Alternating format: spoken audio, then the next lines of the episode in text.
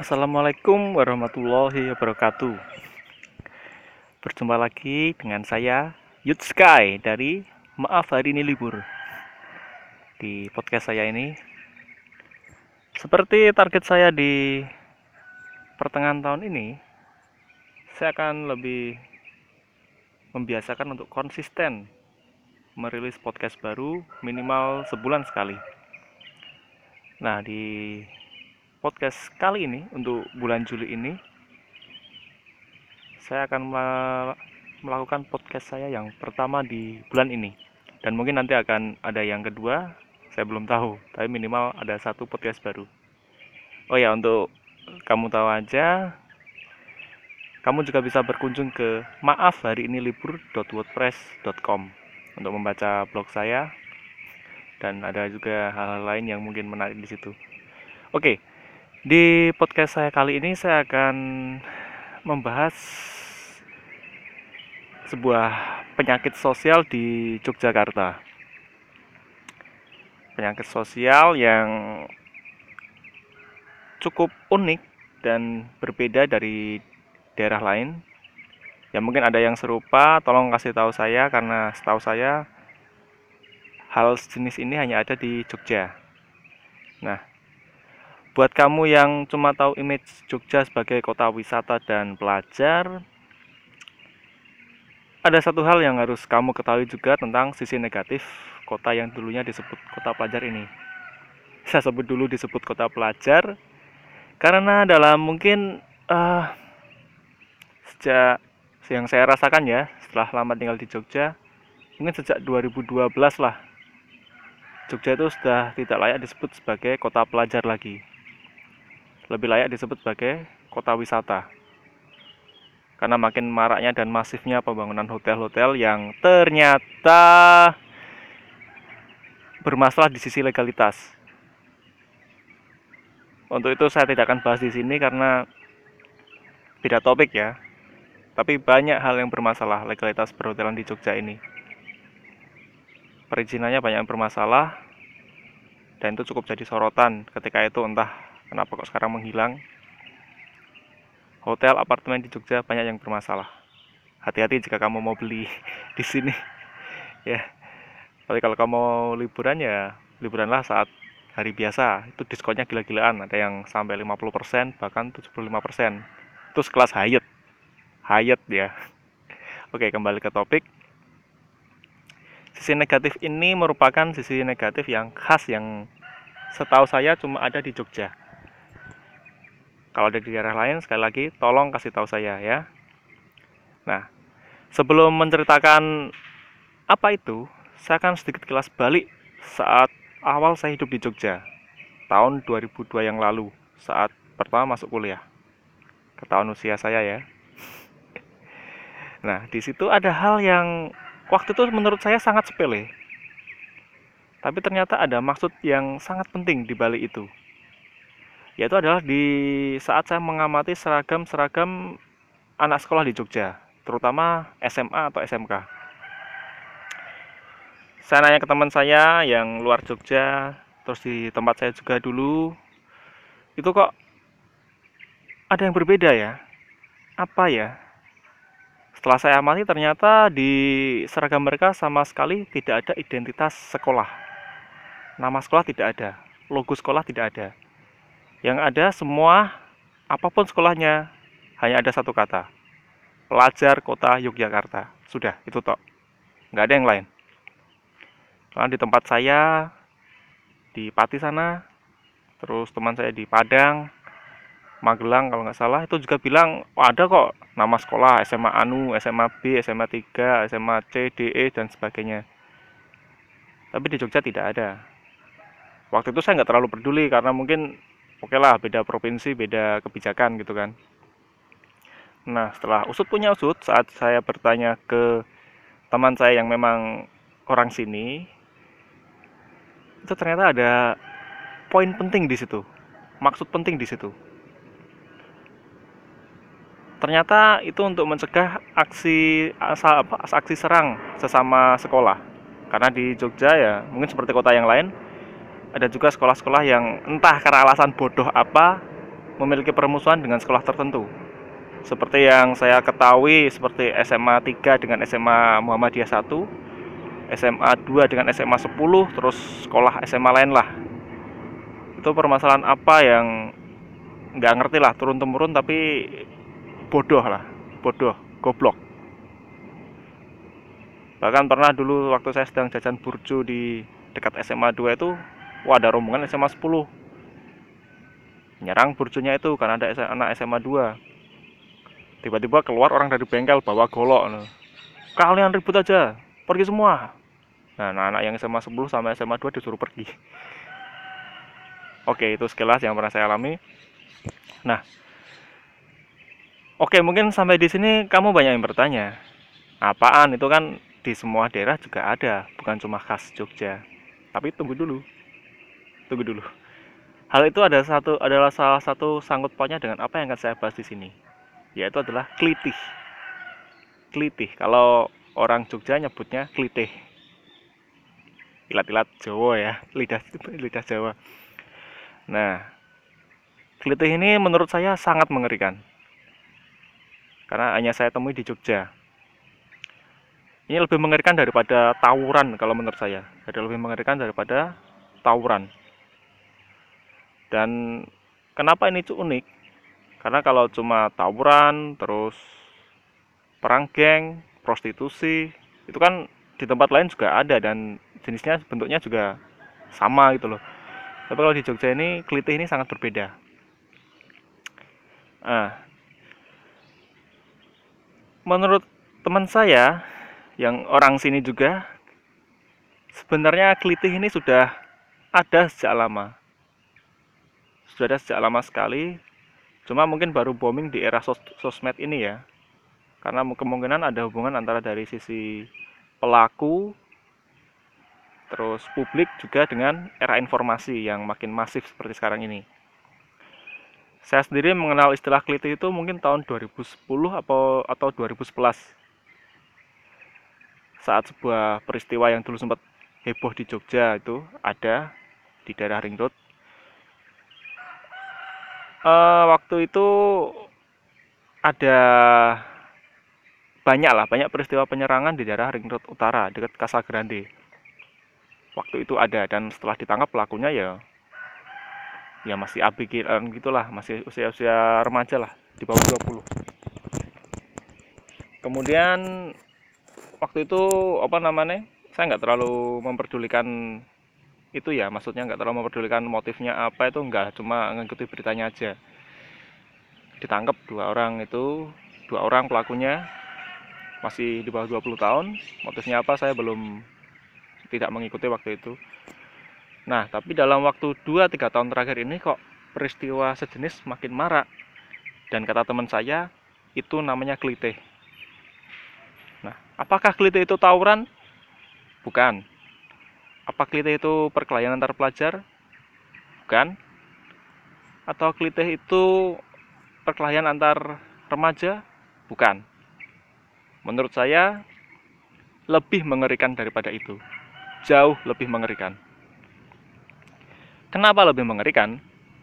Karena kalau kita amati pola tawuran, biasanya mereka udah jelas menyerang si A atau si B atau dari titik A ke titik B, titik-titik tertentu, ada tujuannya, ada sasarannya. Itu sudah jelas kalau tawuran biasanya. Ada targetnya sudah ada, sudah ditentukan. Nah, kalau klitih ini adalah kegiatan kriminal melakukan penyerangan kepada orang lain secara acak. Ya, itu kalau perlu digaris bawahi, di bold, kasih font warna merah, fontnya digedein sekalian, acak itu yang menurut saya membuat kelitih jauh mengerikan daripada tawuran. Acak. Benar-benar acak. Jadi misalnya ada orang nih di jalan udah niat mungkin entah udah ada niat apa enggak ini yang saya dapatkan dari pengakuan para tersangka ya yang sudah ketangkep loh ya mereka mungkin jalan-jalan oke jalan-jalan oh lihat orang di jalan papasan terus ah pukul aja. Tek ya udah gitu. Terus pergi. Dan kadang mereka di motornya tuh udah bawa senjata tajam. Udah bawa senjata tajam entah peso golok celurit bahkan samurai atau pedang. Mereka udah bawa terus lihat orang. Ah pengen tak baca baca ah ceprot udah pergi. Tak ada sasaran tidak ada rencana dan kadang spontan. Menentukan targetnya itu spontan saat ditanya mereka kadang melakukannya itu hanya karena iseng. Iya iseng. Mayoritas karena iseng. Karena mayoritas karena merasa gondok ah nyebelin lah ini orang lewat itu bacok aja. Ya udah. Itu ke beberapa uh, beberapa tahun yang lalu itu di daerah Jalan Imogiri kalau nggak salah. Ada pelajar SMA itu dua orang kalau nggak salah eh satu orang terbunuh awalnya di awalnya saya kira sih ini permusuhan antar sekolah karena yang menyerang juga anak SMA dan yang korban juga anak SMA tapi ternyata yang menyerang itu gerombolannya. Mereka mereka pun campur-campur dan tidak saling kenal antara korban dan pelaku. Ya cuma acak aja. Mungkin cuma tahu itu anak sekolah udah gitu aja. Ya sama-sama anak sekolah juga pelakunya. Nah terus para pelaku kelitih ini mayoritas adalah pelajar yang ironisnya dilindungi oleh undang-undang di bawah umur. Ya saya nggak tahu apa logika dari orang yang bikin undang-undang di bawah umur. Kenapa mereka kok tidak bikin hukuman berdasarkan apa yang dilakukan bukan berdasarkan usia? Harusnya kan berdasarkan apa yang dilakukan. Di bawah umur pun kalau bunuh orang ya hukumannya harusnya sesuai. Hukuman orang dewasa bunuh juga sesuai hukuman itu ya kan kalau menurut saya loh ya. Dia kan membunuh orang ya. Kenapa hukumannya kok masih dilindungi undang-undang? Ya kan lebih baik kehilangan satu orang. Ya mungkin ini yang sering dikeluarkan oleh para aktivis hak asasi manusia ya. Ya saya bilang HAM itu bullshit. Pejuang HAM itu bullshit. Omong kosong.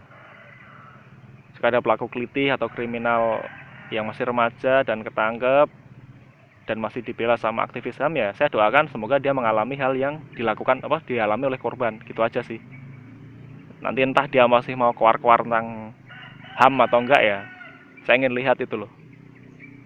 Karena ini bukan soal usia tapi soal apa yang dilakukan. Uh, melenceng sedikit jauh. Saya baru tahu dari buku Pak Mardigu bahwa sebenarnya itu ada tiga hak yang harus yang harus di apa di, diketahui oleh masyarakat oleh setiap orang. Tiga hak itu adalah pertama adalah HAM hak asasi manusia. Itu ternyata HAM itu ada di peringkat ketiga. Ada di peringkat ketiga. Dan ini uh, kalau menurut Pak Mardigu itu ya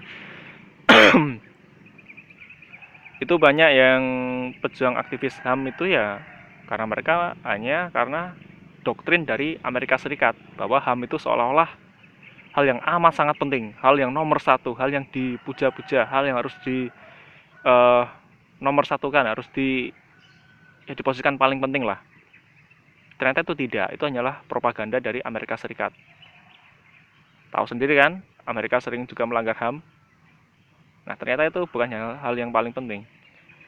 Jadi HAM itu ada di peringkat ketiga. Ada apa lagi di atasnya? Di atasnya adalah hak asasi masyarakat. Jadi masyarakat butuh merasakan ketenangan, kenyamanan. Ibaratnya jika misalnya HAM itu melindungi setiap individu, apa pun yang dilakukannya, apa pun nilai dari orang itu, semua wajib dilindungi. Sedangkan di hak asasi masyarakat, itu yang dilindungi adalah masyarakat. Jadi misal mengorbankan satu orang pembunuh untuk melindungi seribu orang di misal di sebuah kota atau di kecamatan, maka yang harus dilindungi adalah seribu orang itu. Jadi kehilangan satu orang kriminal itu lebih baik daripada menimbulkan potensi bagi seribu orang. Kurang lebih seperti itu, itu yang hak asasi masyarakat. Tujuannya untuk melindungi masyarakat, bukan lagi individu. Jadi masyarakat masyarakat itu orang banyak, individu itu satu orang. Mengorbankan satu orang untuk melindungi banyak orang itu nggak apa-apa.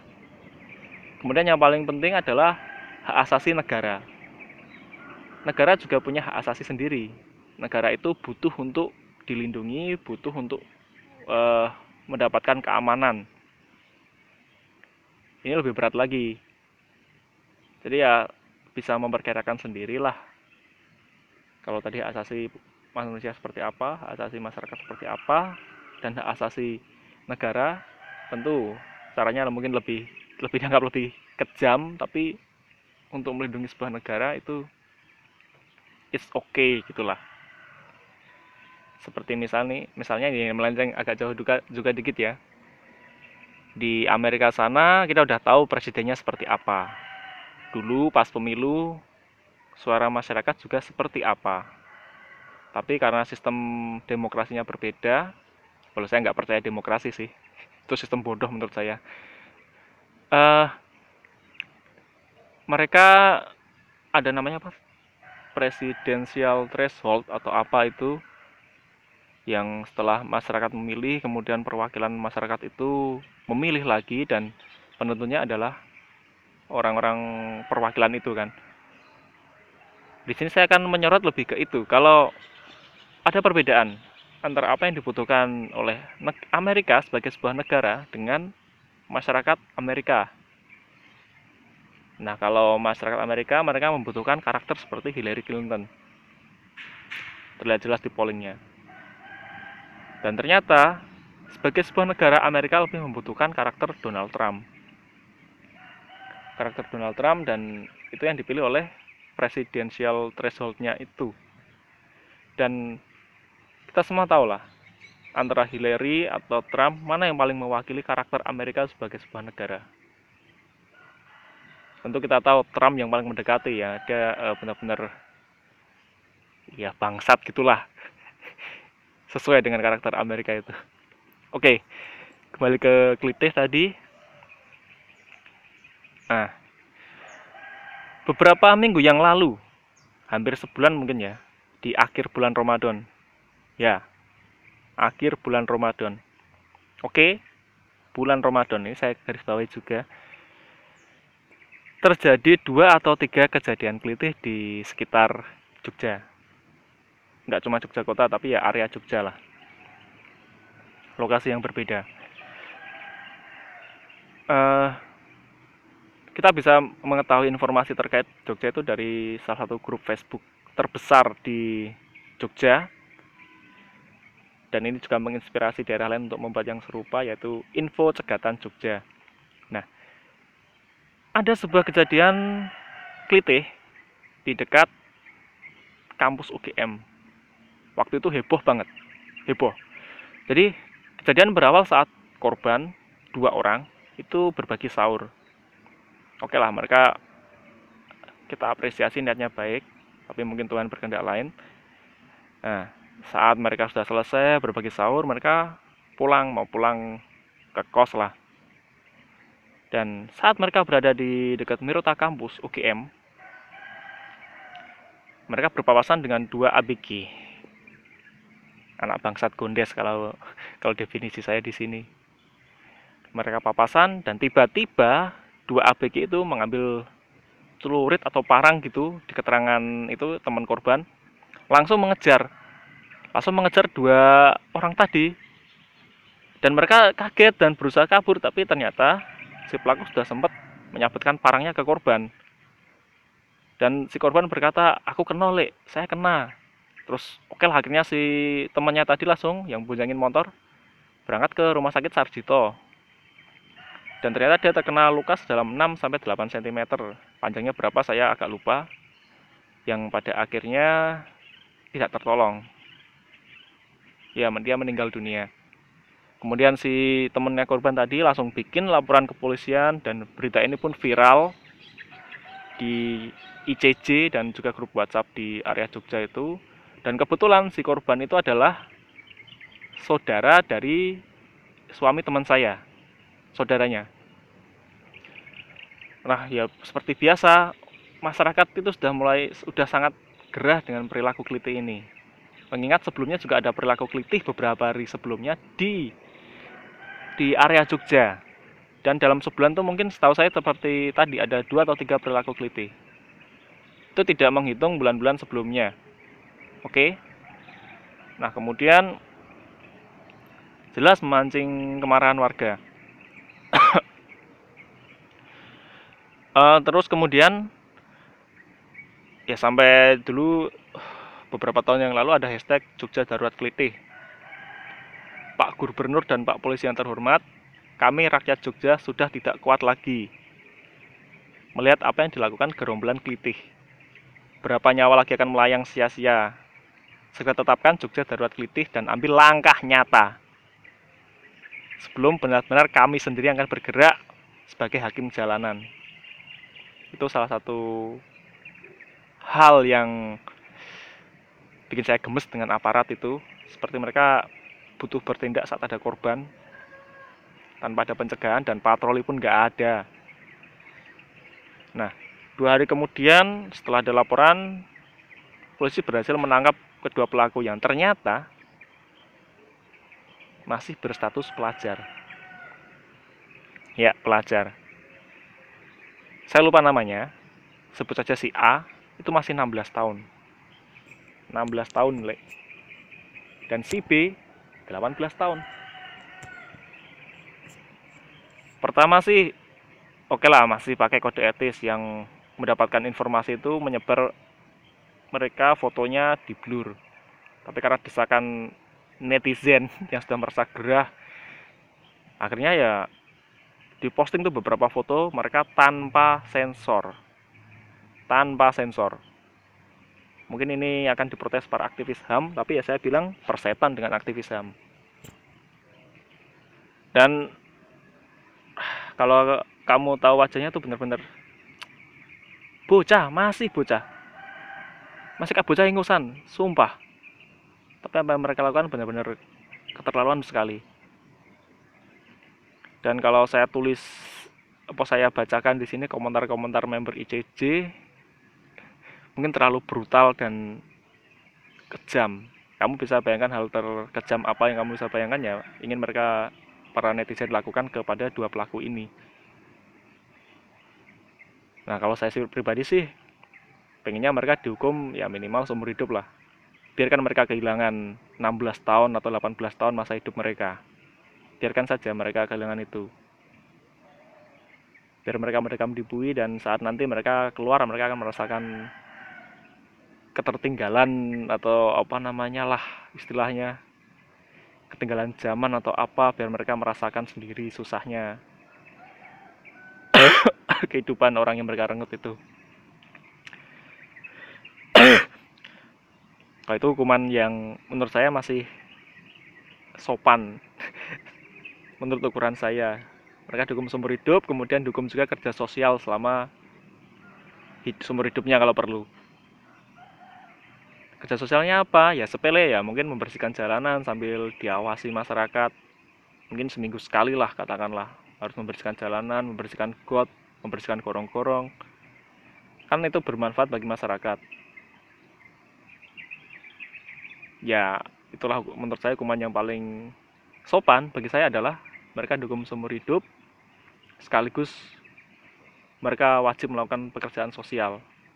Tanpa dibayar cukup dikasih makan udah kemudian kalau hukuman yang paling sadis bagi saya ya dipotong aja tuh dua jari tangannya dua jempolnya. Dua jempol tangan dipotong. Kenapa dua jempol tangan? Ya sepele aja sih. Kehilangan jempol itu akan sangat menyusahkan kehidupan. Ya gimana kamu mau megang gelas kalau nggak ada punya jempol?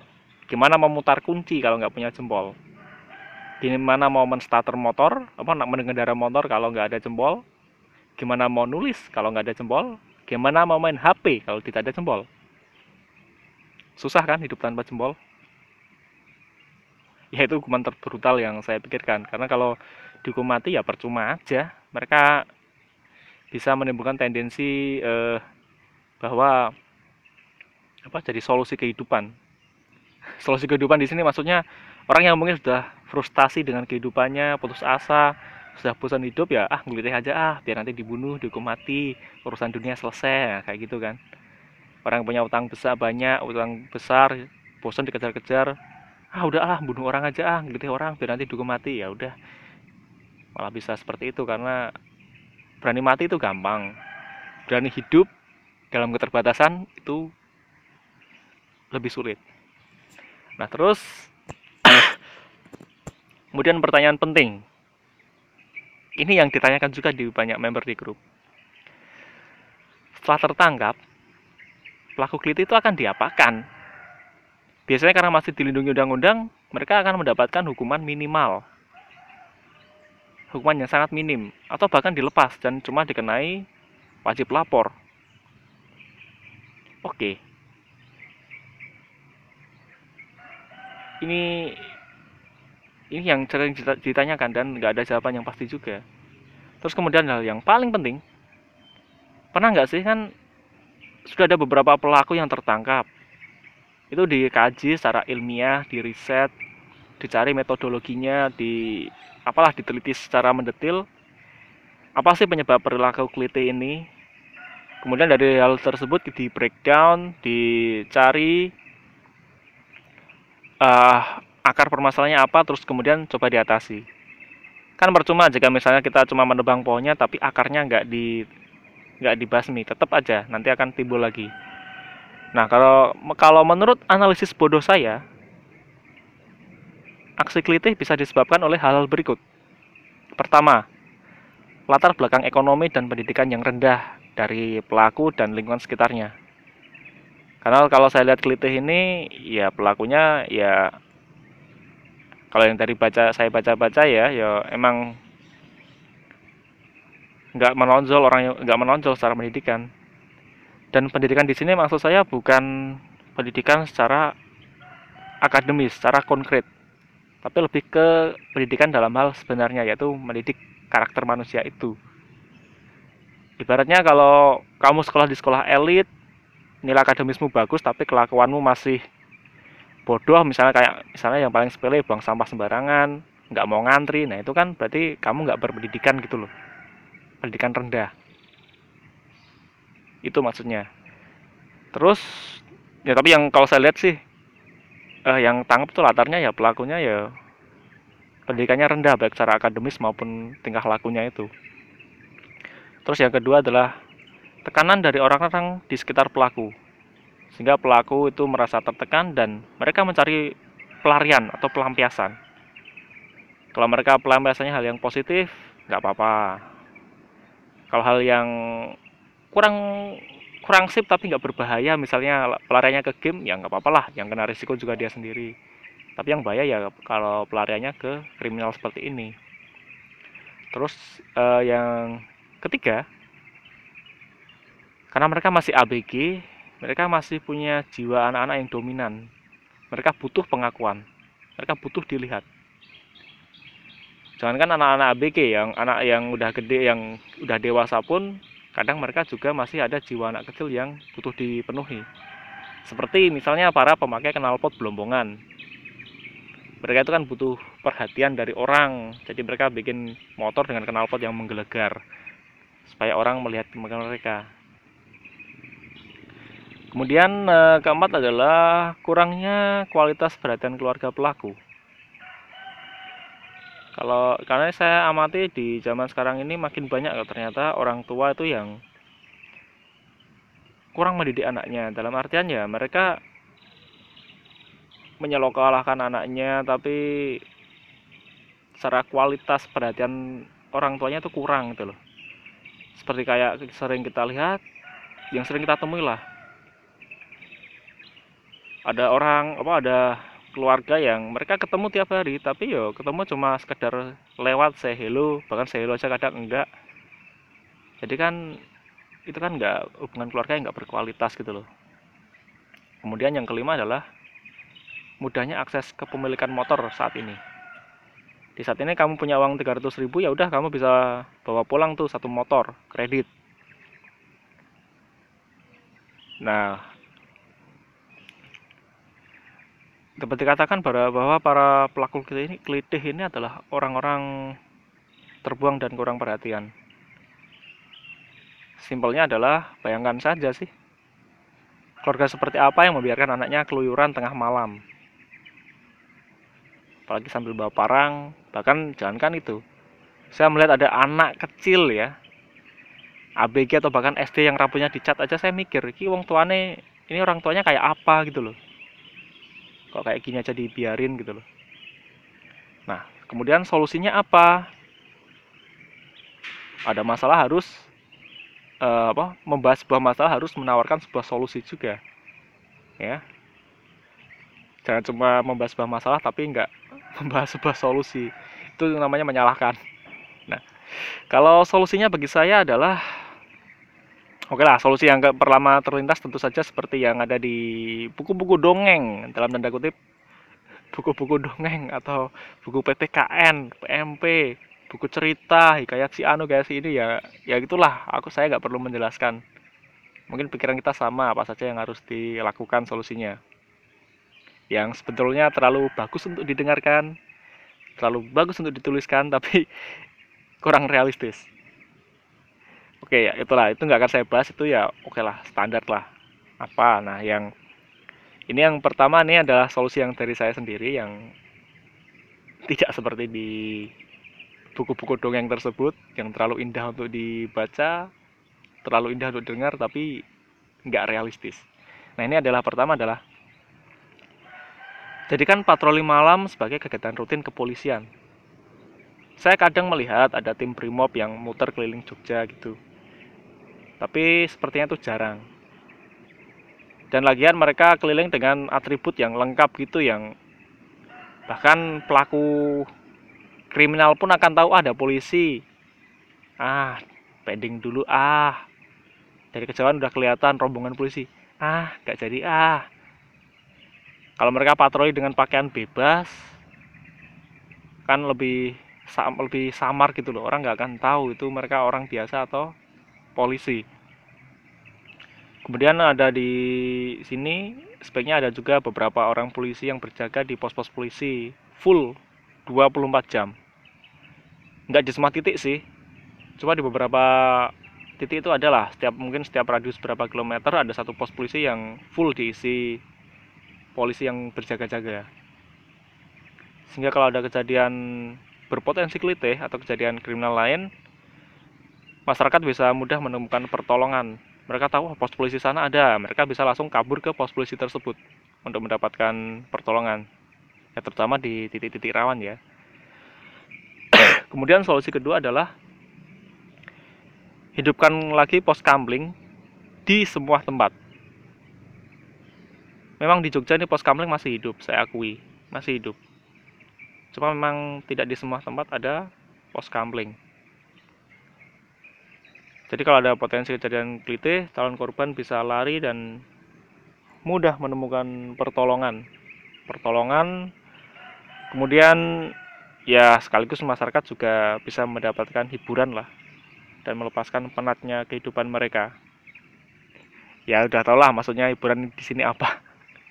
Ada pelaku potensi pelaku keliti dikejar terus calon korbannya lari ngelewati pos kampling. Wah sudah pelaku keliti ditangkap terus kemudian ya main-main sebentar lah sama warga gitu. Sebelum diserahkan polisi biar kapok terus diekspos ke media massa. Persetan dengan persekusi kalau udah jelas orang ngejar bawa parang ya udahlah dipersekusi sekalian lah. Selain kejadian kemarin ada juga yang cerita dia lagi jalan di di jalan mana ya? Daerah Bularjo cari makan kalau nggak salah. Ya tengah malam juga gitu. Papasan dengan orang. Dan tiba-tiba orangnya tuh langsung ngangkat parang tuh loh. Gimana perasaanmu seperti itu? Kamu nggak tahu apa-apa tiba-tiba cuma gara-gara saling lihat langsung dia putar arah sambil bawa parang. Lah ya ya gimana? Untungnya dia dia lolos. Pergi ke tempat ramai. Nah kemudian keempat adalah berikan hukuman yang minimal sama dengan apa yang dialami oleh korban seperti yang dijelaskan di tadi jangan hukuman mati supaya supaya pelaku juga merasakan siksaan di dunia lah ya tadi itu seperti mereka diberikan hukuman seumur hidup, kemudian diberi pekerjaan sosial seperti membersihkan got, membersihkan jalan, mencangkul sawah. Nah, itu bagus itu. Mencangkul sawah atau kebun. Jadi akan meringankan kinerja para petani. Petani untung, pelaku dapat hukuman. Bagus kan itu? Sekarang kan kalau kita amati kan uh, makin minim tuh minat minat anak muda untuk terjun ke dunia pertanian untuk mencangkul di sawah dan melakukan itulah pokoknya kegiatan-kegiatan itu bertani nah ini para pelaku kriminal ABG disuruh aja mereka kerja rodi. Nggak apa-apa kasih makan yang penting. Dari pagi sampai sore itu nggak kerja rodi loh. Pagi sampai sore siang boleh istirahat dapat makan juga. Tapi nggak digaji. Kan pasti kan meringankan kinerja para petani. Eh kalau disebut perbudakan ya biarkan aja lah pelaku kelitih merasakan kejamnya dunia. Ya kemudian yang kelima ya itulah potong jempol kedua jempol tangannya biar hidupnya susah. Nah terus kemudian ini. Untuk menghindari kelitih ada beberapa tips yang saya bagikan. Yang pertama jangan bepergian di larut malam. Karena biasanya kejadian kelitih itu menjelang tengah malam sampai subuh. Kalaupun misalnya kamu terpaksa pergi di jam-jam segitu, pastikan kamu memilih jalur yang ramai. Jalur yang ramai karena di Jogja ini ada beberapa titik keramaian juga yang full tengah malam, entah warung makan lah yang ramai tempat-tempat makan malam yang ramai itu ada juga. Pokoknya ya carilah tempat yang ramai itu dan pastikan kamu sudah mengetahui kondisi jalan yang akan kamu lewati. Jadi kamu bisa memperkirakan titik-titik mana yang kamu perlu gaspol, mana kamu bisa slow down. Kemudian, tapi ingat juga loh, ada juga yang pelaku yang melakukannya di siang hari. Jadi tetap waspada. Kemudian hindari daerah rawan aksi klitih. Ada beberapa lokasi yang sering terjadi kejadian klitih. Dari mana ini? Ya ini basisnya dari laporan-laporan yang ada di ICJ, Info Cegatan Jogja. Itu ternyata ada beberapa area yang rawan dan salah satunya adalah area sekitar Umbul Harjo, terminal lama. Banyak yang mengalami kejadian-kejadian potensi kelitih di daerah sana. Jadi, saat kamu melewati area itu tengah malam, pastikan kamu tetap siaga, siaga penuh kalau perlu lampu merah diblong aja nggak apa-apa kalau sepi tapi tetap lihat kiri kanan dulu ya oke dan sekedar mengingatkan kamu bisa follow di podcast saya ini atau kamu bisa juga follow saya di Instagram @yutsky27 atau mainlah ke blog saya maaf hari ini libur.wordpress.com nah oke okay, uh, eh, sekian uh, akhir dari podcast saya di bulan Juli ini tentang aksi kelitih. Dan saya sendiri sebenarnya cukup penasaran, kenapa aksi kelitih ini di Jogja ini kok nggak pernah terekspos ke media massa yang besar tuh loh, media massa nasional. Yang ada cuma media lokal yang membahas seperti KR, Tribun, Jogja itu yang membahas cuma itu. Saya nggak, saya juga penasaran itu, kenapa nggak pernah ada yang membahas tentang itu secara mendalam dan mendetail kalau misalnya kita lihat misalnya kayak di Bandung tuh kan geng motor tuh sudah beberapa kali tuh dibahas tapi ya kayak kelitih ini entah kenapa kok nggak kok nggak nggak pernah dibahas sampai mendalam itu loh. Kemudian buat kamu yang berencana tinggal atau main di Jogja waspadalah. Jangan terkena ilusi dengan bahwa Jogja adalah kota yang aman dan nyaman. No tidak itu salah besar. Jogja yang saat ini makin metropolitan. Sudah nggak beda jauh dengan kondisi di kota-kota lain. Walaupun belum seperti Jakarta, memang belum seperti Jakarta, tapi sama seperti kota lain. Kota Jogja juga punya penyakit sosial yang beragam sekali dan kompleks. Terutama dengan beberapa tahun terakhir ini yang makin maraknya kemunculan hotel dan apartemen yang tentu saja itu mempengaruhi gaya hidup dan sosial budaya di kota Jogja ini. Serius, saya bisa ngomong gitu.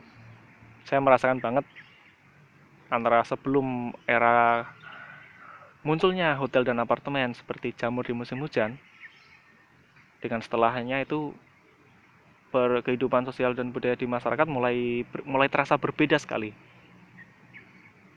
Apa yang mungkin dulu terjadi dalam jangka waktu yang lama sekarang terasa lebih singkat aja itu proses menurunnya itu menurunnya perubahan sosial budaya itu.